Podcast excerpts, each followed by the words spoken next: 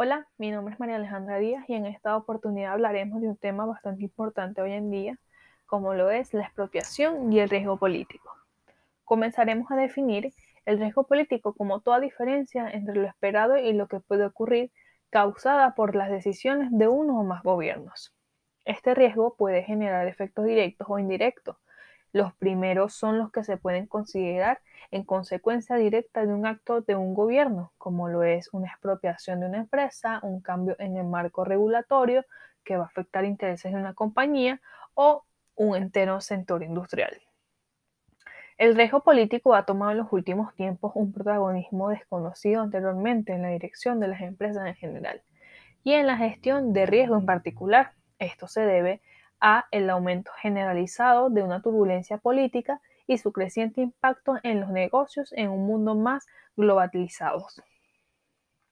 La polarización de las visiones políticas en América Latina se debate en una infinita indemnización, ya que eh, entre una economía de mercado y un modelo populista marca la manera significativa del rumbo de muchas de las variables que impactan en las empresas de la región. La marcha de las instituciones eh, y la economía en países como Perú, Chile, y Colombia contrasta los eventos más recientes em, que en otros países, como lo es las expropiaciones activas eh, en algunas más esperadas que otras, que se están registrando como en Venezuela, Argentina y Bolivia, y que han afectado de manera importante los planes de negocio de varias compañías. Por el lado de las economías desarrolladas, la crisis económica, acompañada de su fuerte impacto social y político, claramente aporta incertidumbre a un cuadro de turbulencia política mundial. Es por ello que es fácil sostener que el riesgo político es uno de los más grandes protagonistas en los tiempos que vivimos y cuya importancia probablemente aumente en los próximos años. Como segundo tema tenemos el financiamiento internacional, lo que se puede conocer también como el euromercado. Para que una empresa pueda crecer en el comercio internacional, necesita recursos que la ayuden a convertir en el mercado global. El euromercado es, como su propia palabra lo indica, un mercado. En caso este, pues financiero, donde gobiernos, instituciones financieras o empresas colocan bonos y obligaciones denominadas en una divisa que no es la de su país de origen. Eh, este es un mercado en el que se emiten títulos o se conceden préstamos en divisas distintas del país emisor. La principal característica consiste en que las operaciones deben realizarse en una moneda distinta a la moneda en curso legal del país en el que se está eh, instalada la empresa o la entidad emisora. Por lo tanto, una moneda diferente y ubicación en la entidad emisora son los dos factores principales para definir el euromercado y no solo son ni el país de origen de la zona euro del emisor ni el titular del depósito, préstamo o activo financiero de la zona euro.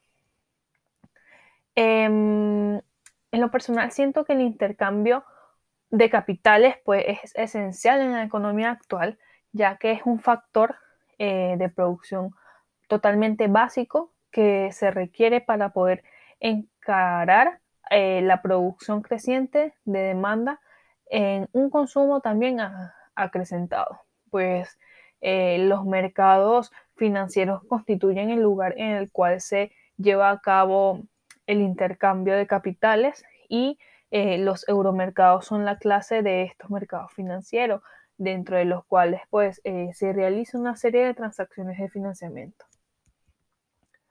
Como siguiente tema, tenemos un tema también sumamente importante, el cual es riesgo diversificable y no diversificable. Em, el riesgo, primero que nada, es inherente al propio mercado por la incertidumbre de este y que afecta en un mayor o menor grado a todos los activos existentes en la economía. Eh, este es parte del riesgo total de un activo financiero, el cual descompone entre riesgo sistemático y riesgo no sistemático. Ejemplo de algunos factores de riesgo propio pueden ser la capacidad de dirección de la empresa, ya que el nivel de endeudamiento empresarial o huelgas laborales concretas no afectan al mercado global en general, sino a los valorables, eh, perdón, sino a los valores particulares. Eh, incluso algún factor de riesgo del mercado global puede eh, ser la evolución del precio del petróleo, ya que puede encuadrarse dentro de este tipo de riesgo. El siguiente tema a tratar son las determinantes de tipo de cambio. El tipo de cambio real de una divisa respecto a otras es el poder de compra de una divisa tras su conversión. Es decir, el tipo de cambio real es una medida que indica el poder adquisitivo de una moneda frente a la otra. Al contrario que el tipo de cambio nominal, que éste tiene una cuenta los precios del país que pertenece a la moneda. En los mercados financieros las monedas se cotizan en forma de pares de divisas. Cuando cambiamos una moneda, la cambiamos siempre en términos de otras. Por ejemplo, tenemos bolívares y queremos cambiar a pesos eh, chilenos o tenemos bolívares y queremos cambiar a dólares. Esta relación entre divisas en la mayoría de las ocasiones fluctúa diariamente debido a que estos factores, em, debido a ciertos factores principales, los cuales son el interés, la inflación, términos de cambio, recesión, especulación, entre otros.